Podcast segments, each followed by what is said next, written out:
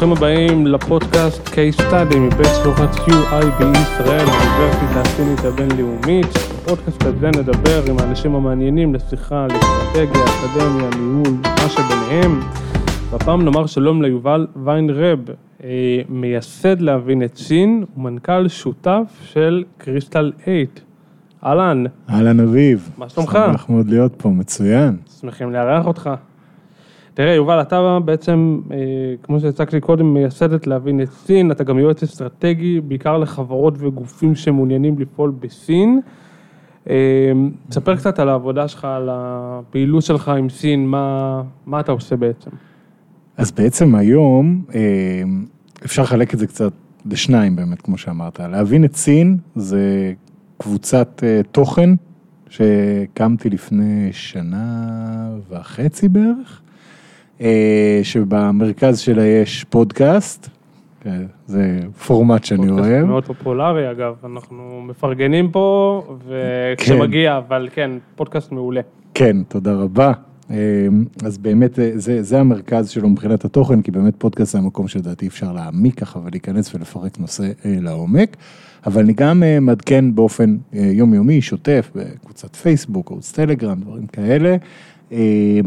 כשהרעיון הוא בעצם להנגיש את כל הנושא הזה של סין, אה, באופן די דומה למה שעושים פה באוניברסיטה, לצאת רגע מהכותרות שאנחנו רואים בעיתון, שבדרך כלל מגיעות מאיזשהו מקור ספציפי אמריקאי או משהו כזה, אה, ולנסות להבין באמת לעומק מה המדינה הזאת מנסה לעשות, מה ההיבטים של הפעילות שלה במקום הטכנולוגי, הכלכלי, הגיאופוליטי, האסטרטגי, מה המשמעות של זה לעולם, לישראל.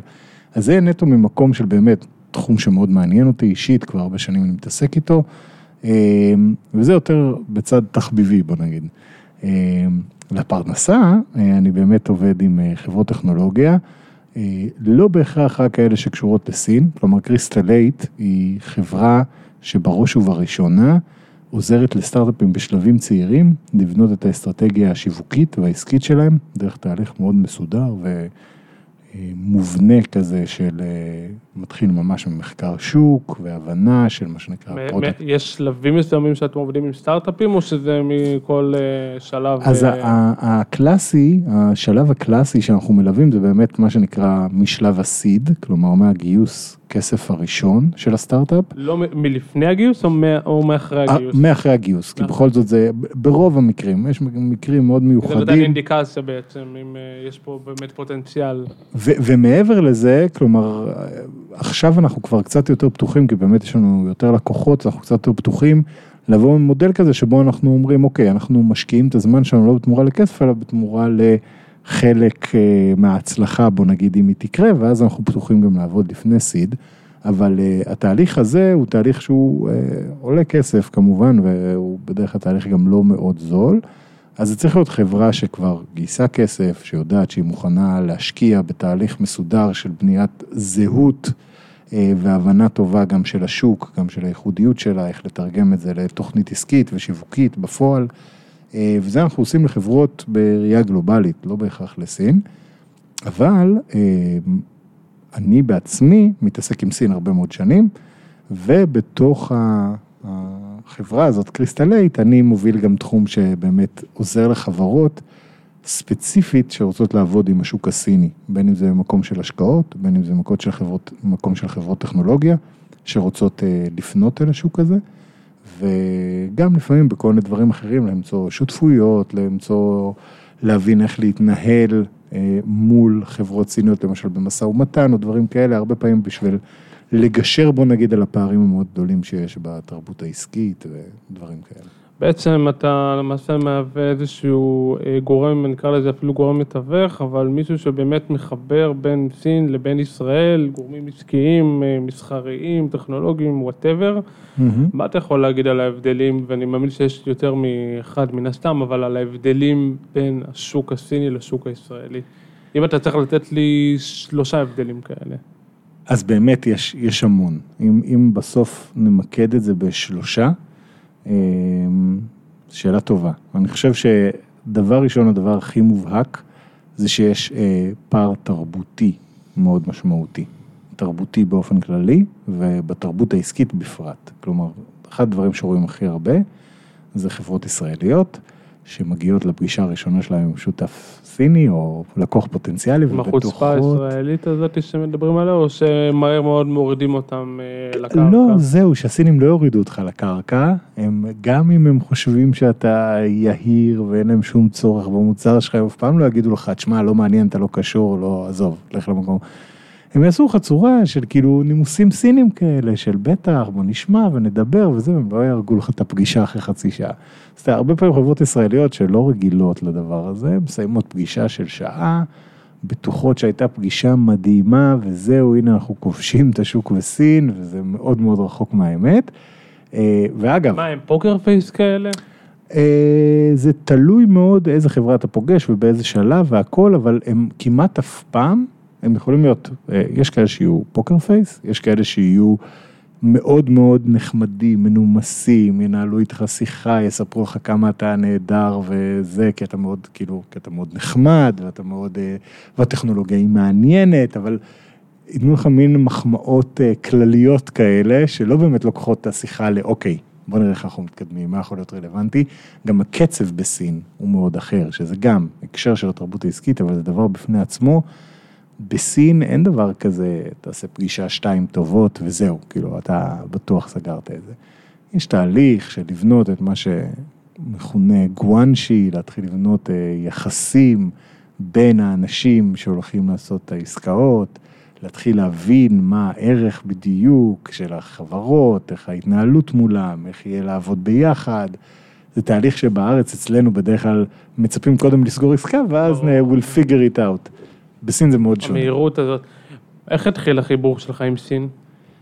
אה, אז הוא התחיל בעצם בתואר הראשון, אפרופו אה, UIB, אז בזמני לא היה UIB, 17 אה, שנה אחורה, התחלתי ללמוד באוניברסיטת תל אביב, לימודי כלכלה ולימודי מזרח אסיה. אחד היתרונות, שיצא לי לדבר על זה פה עם, עם אנשים גם מהאוניברסיטה אצלכם, זה זה שבעצם כאן אתם מציעים משהו מובנה, שבעצם זה שאתה עושה תואר בכלכלה ומנהל עסקים, אבל הוא מאוד מוכוון לסין, לשפה, לתרבות, להבנה, והכי חשוב אולי להתחככות היומיומית הזאתי עם סינים, עם לדבר סינית, עם להכיר חברות סיניות. אני הדבר הכי דומה שיכלתי לעשות למשהו כזה, היה בעצם לעשות מסלול דו-חוגי בתל אביב, של כלכלה ושל לימודי מזרח אסיה.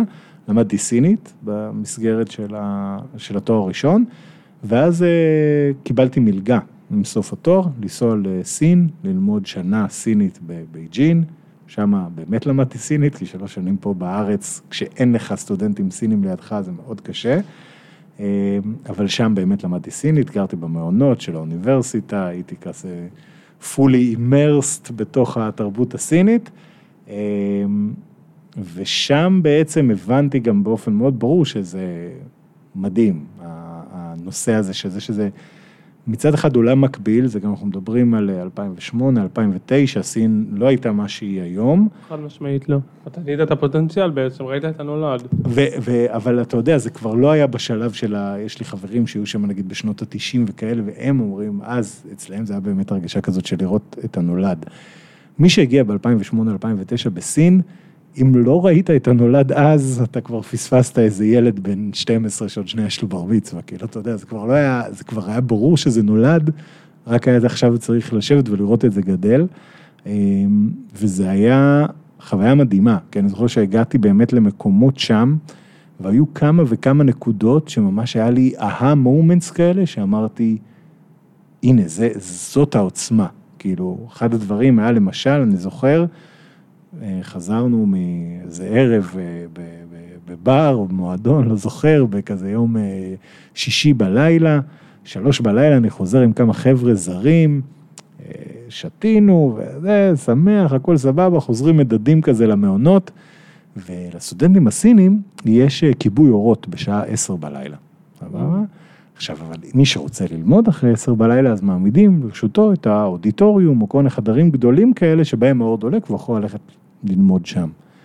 אנחנו חזרנו ככה מדדים מהמועדון בשלוש בבוקר, ואז אנחנו מסתכלים מימינה, רואים את האודיטוריום, אודיטוריום ענק של איזה אלף מקומות, מסתכלים, אור דולק, ואתה רואה את האודיטוריום מפוצץ. וואו. בסטודנטים סינים שיושבים ולומדים, עכשיו חצי מהם כבר ישנים על, ה, על, ה, אה, על הכיסא כאילו והכל, אבל אתה רואה את הרצון, את ההשקעה, את הרעב. אני חושב שממש עצרנו כזה ואמרנו, אתם רואים, זו, זאת הסיבה שמתקדמים ככה, בסוף. אה, אני יכול לתת לזה דוגמה מקבילה, שאתה רואה אותם עובדים פה בתל אביב אפילו על הרכבת הקלה.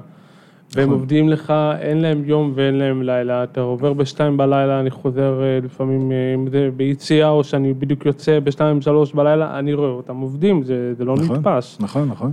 וגם בבנייה, בבנייה בסין בעצם, הבניינים שם קמים במהירות מטורפת, כי הם פשוט, הם מתנתקים מהמקום שלהם, מהבתים שלהם, מהסביבה שלהם, והם פשוט מסתכלים על זה בתור משימה שצריך לעבוד אותה. נכון. בגלל זה היה- זה גם מסביר את המעצמה שהיא היום. נכון, היה אגב במעונות של האוניברסיטה שבה גרתי, אז הייתי במעונות של הסטודנטים הזרים, כן, ליד זה, אה, כלומר בנו ליד הבניין שבו גרתי את הבניין החדש של המעונות, כי הבניין שאני גרתי בו היה בניין כזה בין אה, 40-50 שנה, בנו את הבניין החדש של המעונות, ואני זוכר יצאתי לטייל בסין בין הסמסטרים, והייתי חמישה שבועות נדמה לי בטיולים או משהו כזה, כשיצאתי התחילו לחפור יסודות. כשחזרתי אחרי חמישה שבועות, כבר היה שלד של ההתחלה עומד. וברגע שסיממתי את הסמסטר אה, השני, כבר הבניין עמד, היה מוכן עוד שנייה לאכלוס, וזה אני מדבר איתך על בניין של אה, 20 קומות כזה, לא... זה לפחות שנה וחצי, שנתיים לפחות. מינימום, מינימום, מינימום. לגמרי.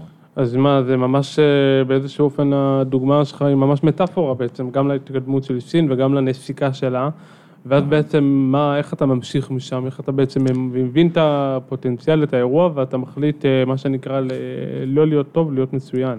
אז, אז ידעתי, שני דברים יצאתי מהם מהחוויה הזאת שגרתי בסין, עבדתי שם כבר קצת אה, ברמה פרויקטלית עבור כל מיני חברות אה, פיננסים אמריקאיות, בעיקר בכל מיני פרויקטים קטנים כאלה, זמניים. חזרתי לארץ, היה ברור לי שאחד, אני רוצה להמשיך לעבוד עם סין, ושתיים, שהנושא שהכי מעניין אותי זה באמת הנושא של טכנולוגיה. עד אז בעצם לא התעסקתי כל כך בטכנולוגיה, הייתי יותר בצדדים הכלכליים, פיננסיים ודברים כאלה, וגם הייתי סטודנט בסך הכל. אה, ואז חיפשתי באמת עבודה בתחום הטכנולוגיה. התחלתי לעבוד בחברה אה, מדהימה, מאוד מיוחדת, ישראלית, נקראת Waves Audio, חברת תוכנה, מתעסקת בתחום האודיו באמת. ש... מה עשית שם? הגעתי בעצם לחטיבה חדשה של החברה, זו חברה, חברה מאוד ותיקה, שהיא החברה מספר אחת בעולם לפלאגינים לעריכת סאונד, לאולפני הקלטות. בתחום הזה ממש מספר אחת בעולם, אה, ברמה כזאת שלא היה לה כל כך כבר הרבה לאיפה לגדול, כשהצטרפתי במקום הזה והם פתחו אה, חטיבה עסקית חדשה, שהתמקדה בכל התחום של קונסומר אלקטרוניקס, כלומר בייצור של טלפונים, מחשבים, אה, אוזניות, טלוויזיות, כל הדברים האלה. אה, ובעצם זו הייתה חטיבה ממש חדשה, שככה, כשאני הצטרפתי אליה, אני בעצם הצטרפתי, הייתי עם עוד שלושה אנשים בערך בחטיבה הזאתי. אה, אני הייתי אחראי על כל הצד העסקי, כלומר, business זאת לך marketing, sales. אוריינטציה עסקית מגיל, זאת אומרת, מאז שהכרת את עצמך, זה חלק מה... אה, כן, תמיד, תמיד אהבתי, תמיד התחברתי לדברים האלה, תמיד התחברתי גם למקום הזה של, אה, של כאילו לבנות תוכנית ולהוציא אותה לפועל, שזה תמיד התחום שהכי מרגש, ובגלל זה גם אגב היום אני אוהב להתעסק בעיקר עם סטארט-אפים ועם חברות צעירות, או לחילופין עם חברות יותר מבוגרות, אבל שרוצות לבנות משהו בסין, כי הם לא היו שם, או שהיו שם וזה לא הלך להם כמו שהם ציפו. אה, כי זה בעצם מה שהכי, אני חושב שהכי הכי מדליק אותי בסוף בדברים האלה, זה באמת, הנה בעיה, או הנה פרויקט שצריך עכשיו לתכנן, להבין איך לעשות אותו נכון ולהוציא אותו לפועל. הדבר הזה זה מה מה אתה- שמרגש אתה בונה להם אדפטציה, או שאתה פשוט אה, מבין את היתרונות שלהם ודואג להתאים אותם בהלימה עם מה שלשוק הסיני? אז זה, תמיד, גם, גם כשאני עובד עם חברות ומנסה לעזור להם להבין את האסטרטגיה שלהם בשוק הסיני, וגם כשאני עובד עם פשוט סטארט-אפים באופן כללי, אה, ה- יש כמה דברים שהם מאוד אה, קרובים. כלומר, בסוף אתה מנסה למצוא איזושהי נקודה נכונה של חיבור בין מה שנקרא צד ההיצע, כלומר, מה, מה המתחרים שלך עושים מסביב, מה עוד יש שדומה למה שאתה מציע, צד הביקוש, כלומר להבין מה השוק רוצה, מה השוק צריך, והמוצר שלך, או היכולות הטכנולוגיות שלך. והנקודת השקה של שלושת הדברים האלה, של היצע, ביקוש והמוצר שלך, מביא לך בעצם איזשהו sweet spot כזה שאומר, אוקיי, זה היתרון שלי כשאני רוצה ללכת לשוק הזה, ולא משנה עכשיו אם זה השוק הסיני עבור איזושהי חברה שכבר יודעת בדיוק מה היא מוכרת, או השוק הגלובלי בכללותו עבור איזשהו סטארט-אפ שיש לו רעיון לטכנולוגיה, אבל הוא עוד לא הפך אותו למוצר ועוד לא יצא איתו באמת לשוק, אז להבין בעצם, אוקיי, בהינתן זה, זה מה שיש לי ביד, ובהינתן התחרות שאני רואה מולי, ובהינתן הצרכים של השוק, שאתה מנסה להגדיר אותם ולמצוא אותם בצורה מאוד מדויקת, הנה החוזקות שלי והצעת ערך המדויקת שלי לשוק הזה, ועכשיו, אחרי שהבנתי את זה, שזה תהליך מאוד מאוד חשוב בפני עצמו, איך מוצאים אותו לפועל, איך מתרגמים את ההבנה הזאת של מה ההצעת ערך המדויקת שלי לשוק, איך מתרגמים את זה לתוכנית פעולה, להבין עם מי אתה צריך לעשות שותפויות, איך אתה רוצה לתמחר את המוצר שלך, איך אתה רוצה לדבר על המוצר שלך, איך אתה רוצה למתג אותו, איך אתה רוצה להציג אותו, אה, מה הוא אמור, איזה סוג של פתרון הוא פותר עבור בעיות בכל סגמנט, עבור לקוח, סליחה, בכל אה, סגמנט שאליו אתה מכוון. ואת כל הדבר הזה לארוז בעצם לתוכנית סדורה ולהוציא אותה לפועל. בעצם פותח אותם ומה שאני עושה להם ניתוח אה, מחדש, כאילו אתה ממש יכול לאפיין אותם ברמת ה... או שאתה אומר להם וואנס זה, המוצר שלכם לא מתאים, הוא לא עונה, או שזה לא השלב, או כן. שאין בעיה אבל תשנו, זאת אומרת אתה ממש יכול לכסח אותם.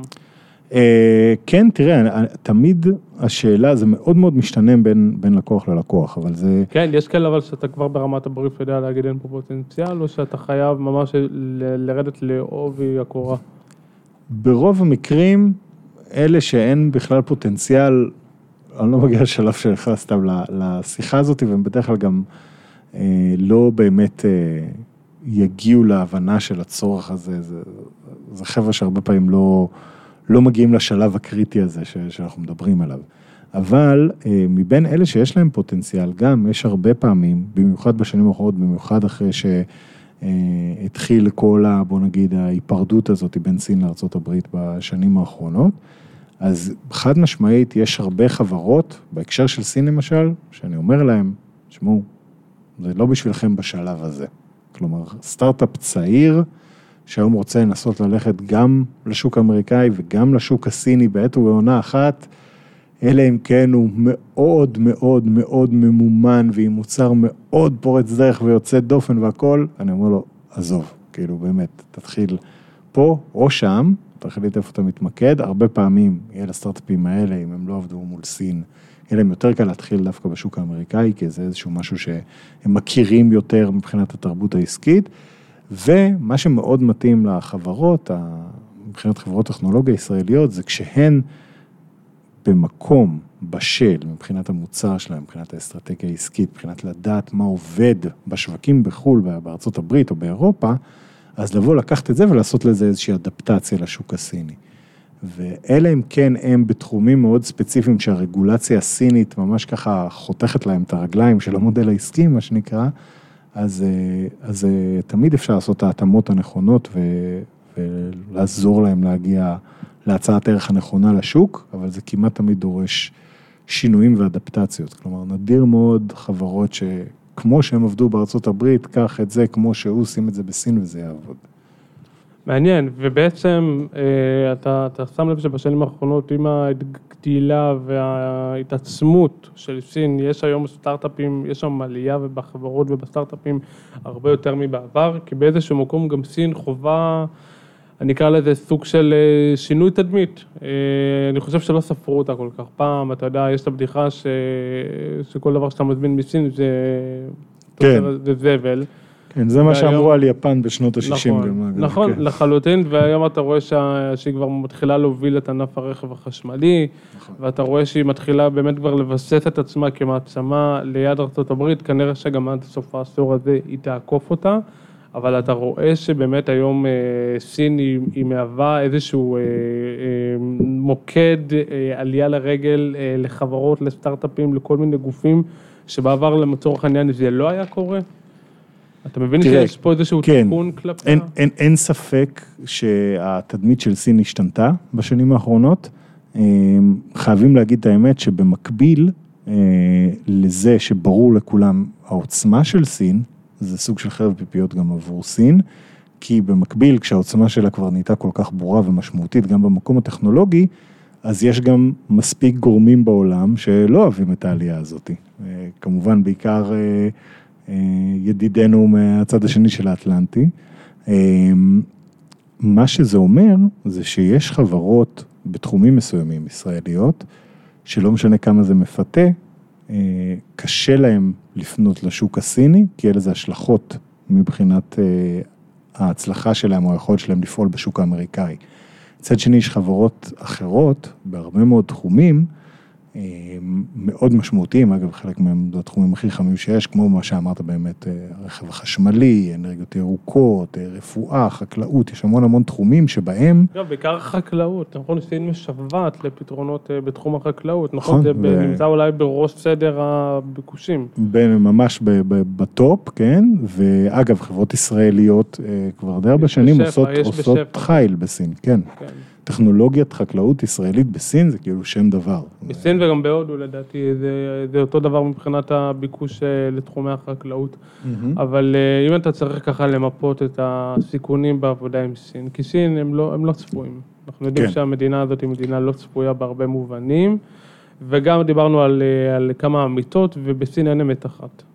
אנחנו כן. יודעים שהיום אתה יכול להסתכל על אה, מה שאתה רואה מפה, זה לא מה שאתה רואה מזווית אחרת, ולכל אחד יש את הפרספקטיבה השונה שלו, לא ניכנס לזה, אבל בגדול אני אומר, מה הסיכונים בעבודה עם או, מה, או יותר נכון, אני אחדד את השאלה, מה אתה צריך, אם עכשיו הסטארט-אפ רוצה להיכנס, או חברה רוצה להיכנס, מה הם שני הדברים שאתה מבהיר אותם, אה, שהם צריכים לדעת, לקחת בחשבון לפני שהם בכלל באים במגע עם סין. אז אני חושב שכמובן זה מאוד תלוי כל אחד בתחום עיסוק שלו, אבל שני דברים שהם כלליים ונכונים לכולם, זה אחד, הנושא של להכיר את הרגולציה, כלומר בסין יש רגולציה שונה ממה שיש בארצות הברית, בישראל, באירופה. הרגולציה הישראלית הרבה פעמים שואבת מהרגולציה האמריקאית או מהרגולציה האירופאית.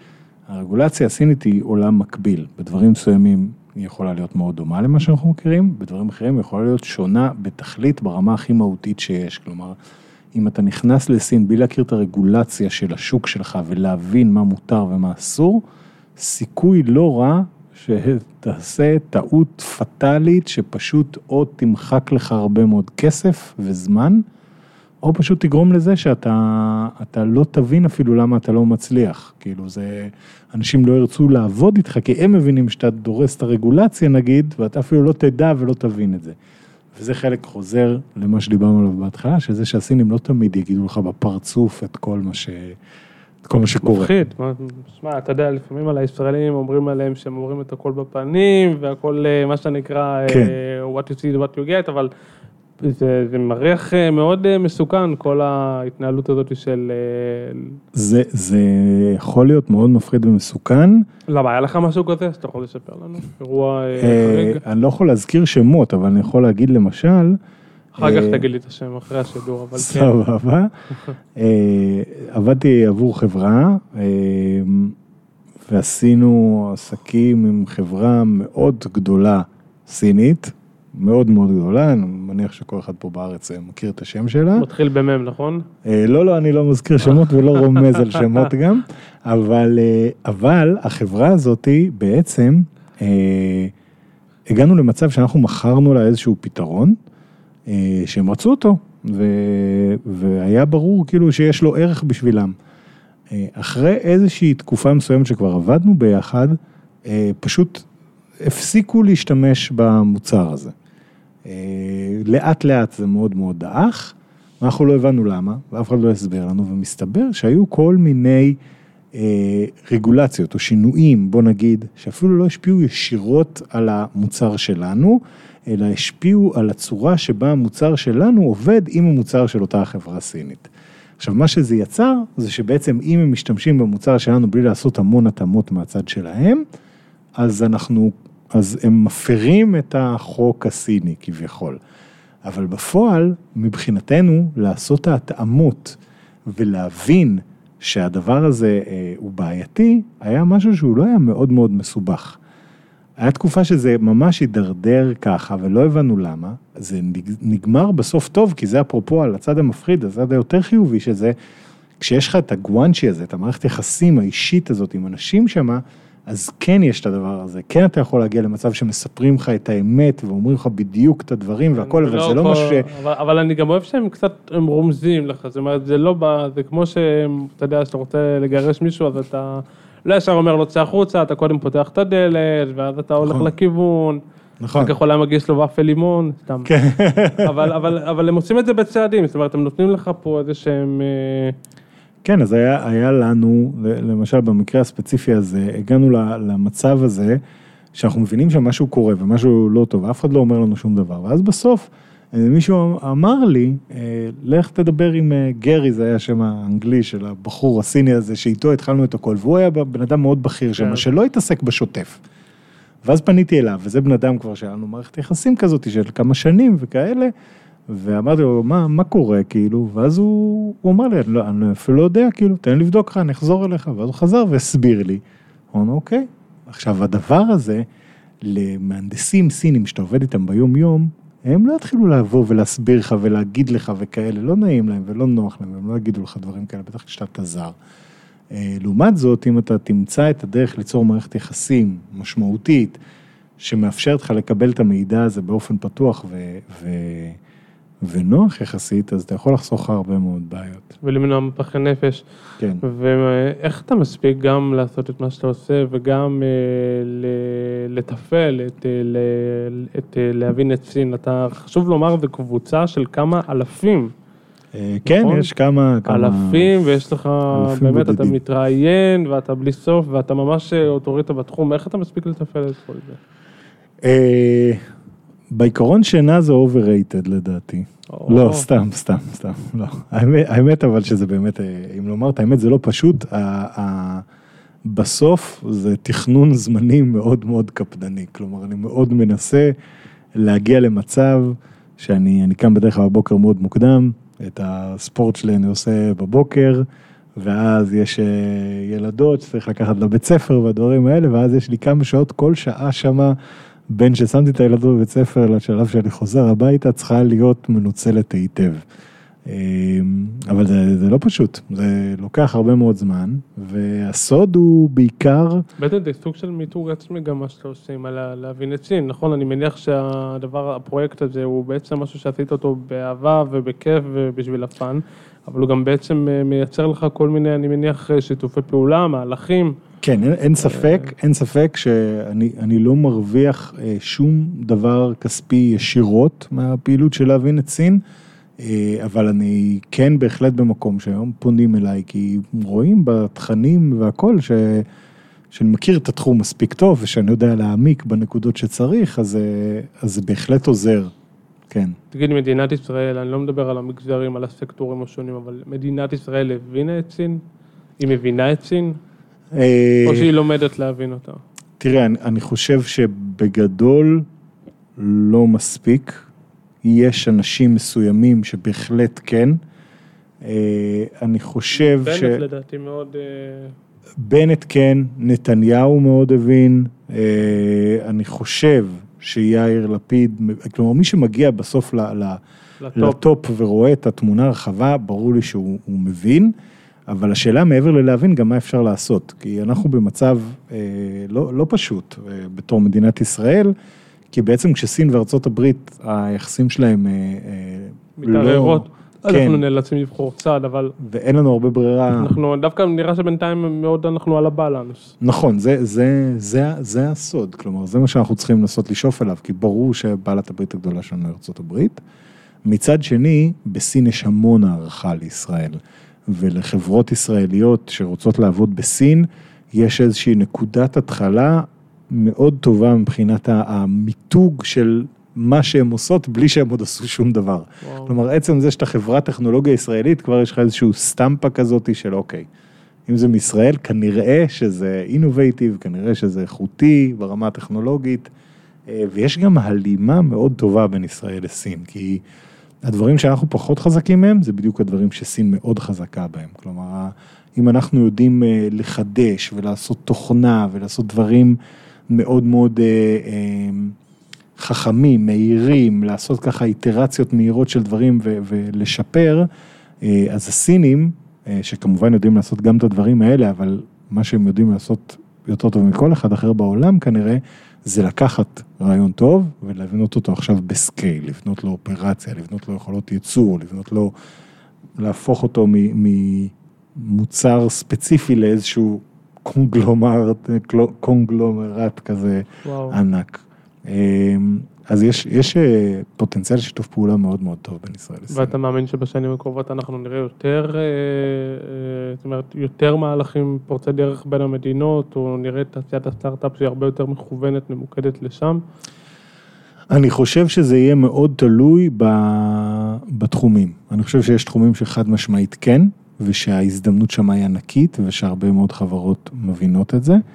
מצד שני, יש, יש תחומים בעיקר בתחומים שקשורים לתעשיות הביטחוניות, גם בעקיפין, אה, שיש כרגע רתיעה, רתיעה מלעבוד בסין. אז זה מאוד תלוי בתחום. זה ברור למה בעצם.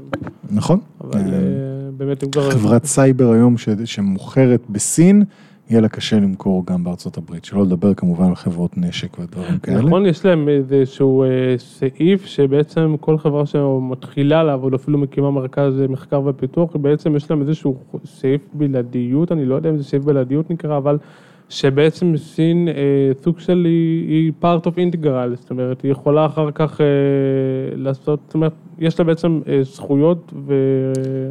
קניין זה, אה, מלא על החברה למעשה. זה, זה תלוי איך אתה בונה, כלומר היום כבר יש, אה, יש המון דרכים לעבוד, פעם היה כל מיני תחומים שבהם לא היית יכול לעבוד בסין בלי שיהיה לך שותף מקומי. היום אה, בטח יש עוד דברים כאלה, אבל בגדול, כן, אתה אומר לסייבר אין מה לחפש בסין. אבל לסייבר, לסייבר אין מה לחפש בסין, כי ברגע שעבדת בסין אתה סוג של שרוף בארצות כן. הברית, בדיוק. וזה בעייתי, אבל מצד שני, שוב, אמרנו, יש המון דברים, בין אם זה... טכנולוגיות אה, בסיסיות, כלומר טכנולוגיות B2B כאלה, מה שנקרא, שמוכרים ל enterprise, לחברות עסקיות וכאלה של אה, ניתוח נתונים, ו cloud ובדיוק ודברים כאלה, בטח בכל התחומים שהזכרנו, בין אם זה רפואה או, אה, או חקלאות או אנרגיה ירוקה או רכבים חשמליים, יש המון תחומים שבהם השוק הסיני הוא ענק והוא מאוד מבטיח מבחינת חברות ישראליות, ויש תחומים אחרים שבהם לצערנו צריך להימנע. ואתה מתרשם של, הנתך, של הבנתך, התחום האקדמי בעצם, אוקיי, אני מחריג רגע אותנו, כי אנחנו מן הסתם כן. אה, באמת אה, אומרים בריש גלי מי אנחנו ומה אנחנו, אבל אתה מבין שהיום העולם האקדמי או העולם החינוכי, הוא מבין את החשיבות של סין, כי אני קצת מקבל תחושה שבהרבה מקומות זה מין פולקלור, אין באמת התעמקות והבנה בסיטואציה הזאת. אם זה אפילו בבתי ספר שלא לומדים על סין, אין... אה, נכון. זאת אומרת, יש לך רק כמה פקולטות שבעצם נותנות לך את המענה. אתה חושב שהאקדמיה נמצאת באיזשהו אה, פיגור? אה, אני חושב שבגדול כן, בעיקר מבחינת סוג התכנים והפרקטיות שלהם. כלומר, יש, ובדיוק בפודקאסט שלי ראיינתי עכשיו מישהי שסיפרה לי שזה הולך ומשתנה, אבל בגדול, נגיד שאני למדתי באוניברסיטה, היה לי המון קורסים לבחור על פילוסופיה סינית מהמאה השישית ועל ציורים סינים מהמאה התשיעית ועל כל מיני דברים כאלה שהם נהדרים, אגב אני לא מזלזל בהם ואגב גם, גם לעניינים עסקיים להכיר את כל הדברים האלה זה מצוין, ת, ת, תבוא עם הידע הזה לסין מאוד יחזיקו ממך בתור מי שמכיר את התרבות שלהם והכל, אבל בסוף אתה רוצה להבין מה קורה היום, אתה רוצה להבין מה קורה בסביבה העסקית היום, איך חברות סיניות מתנהלות היום, מה המחשבה של ה...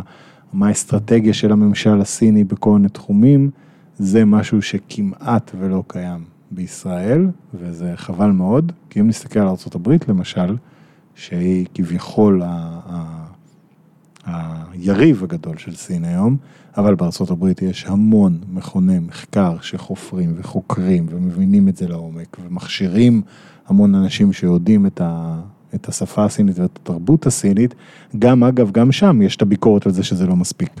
אבל בארץ אני חושב שזה ממש אה, זעום וחבל, ובהקשר הזה אני כן אגיד, אולי אתה מרגיש לא בנוח להגיד, אבל אני אגיד ש-UAB באמת אה, מציעה משהו שלדעתי מאוד מאוד חסר פה בארץ. אמ, לא אמרנו לא להגיד את זה, כן? למען הסר ספק. אבל אה, אני רוצה ככה לשאול אותך, אנחנו מתקרבים לסיום, אה, אתה גם קצת ציני באיזשהו מקום בנפש. אה, תשמע, אני, דבר ראשון, אני התחלתי לאהוב את כל הנושא הזה של התרבות הסינית עוד בתיכון, בזכות המורה שלי להיסטוריה, שהיה המורה אגדי, יעקב רוט, אה, הוא בטח כבר מאוד מבוגר היום, אני לא יודע אבל אה, אם הוא במקרה שומע אז תודה יעקב, והוא הכיר לי את התרבות הסינית בפעם הראשונה, מאז היא תמיד סקרנה כן, אותי, תמיד אתה קראתי עליה. ממבט ראשון? אה, ברגע שהוא, שהוא הכיר לי אה, דרך השיעורים בהיסטוריה, למדתי היסטוריה מורחב ב, ב, בתיכון, ברגע שהוא, שלמדתי על זה, אז הבנתי את הדבר הזה שמתחבר בדיוק לנקודה שהעלית קודם, שיש פה תרבות מטורפת של 4,500 שנה, תרבות הכי עתיקה בעולם, עם רמת אה, מורכבות פילוסופית, תרבותית, אומנות, אה, כל דבר שאפשר לחשוב עליו, חדשנות, טכנולוגית, תרומה לעולם באלף ואחד אה, דברים, שאנחנו פה במערב לא באמת מכירים, לא באמת לומדים עליה, כאילו היא לא קיימת, כאילו אנחנו לומדים 99 אחוז על התרבות של העולם המערבי, מבחינתנו הכל התחיל בנביאי ישראל ופילוסופים ביוון, וזהו. עכשיו אגב זה נכון גם בכלל לתרבויות המזרח, שסיני ערש תרבות המזרח, אז כאילו התרבות היפנית והקוריאנית והווייטנאמית ומה שלא יהיה, בסוף הם שואבים מהתרבות הסינית המון, אבל זה נכון גם לתרבות ההודית, הזכרת קודם את הודו, שכמעט לא מכירים פה, ובסוף זה רוב אוכלוסיית העולם. כן. יש שם המון עושר, וזה דבר שאני אישית, ברגע שלמדתי להכיר ולהבין אותו, אז מאוד מאוד התחברתי ואהבתי אותו, ואני היום אה, קורא על זה להנאתי, בלי שום קשר גם לתוכן שאני ב... עושה. וזה גם עובר בתורשה לדור הבא, או שאתה... האמת שכן, אני מלמד כן? בבית ספר של הבנות שלי, אה, שיעורי סינית, לבת הגדולה שלי עכשיו התחילה ג'. השנה שעברה הייתה בכיתה ב', אה, עשינו לה שיעורי סינית, היום הבת המרכזית שלי גם בב' והגדולה בג'. אתה ממש שגריר של. סין, אתה שגריר של סין בישראל, אתה רוצה להיות שגריר של סין? אם עכשיו אה, מציע, יהיה ראש הממשלה לפיד אה, מציע לך להיות אה, שגריר ישראל בסין. אני חושב שיש דיפלומטים מוכשרים ממני שיכולים לא, אבל אבל לעשות אתה אמרת את זה. שהיה מושך אותך אבל את חד משמעית, אני מאוד הייתי רוצה לקדם את היחסים בין העמים הסינים והישראלים, אני חושב שיש לנו המון המון במשותף, והמון מה ללמוד אחד על השני ומה ליצור ביחד. אני מאוד בעד, טוב, נראה שאתה מגשים את זה בינתיים, בדרך העסקית בעיקר. משתדלים. יובל ריינרב, מייסד להבין את סין, שותף אה, ושותף, ומנכ"ל שותף של אה, קריסטל 8. תודה רבה. תודה רבה לך, אביב. פרק זמין בספוטיפיי, באפל פודקאסט ובכל פלטפורמות הסטרימינג, אתם מוזמנים להאזין, לעקוב, ואם יש לכם גם אורחים שאתם מעוניינים להציע לנו, אתם מוזמנים לכתוב לנו. תודה רבה. Bye bye.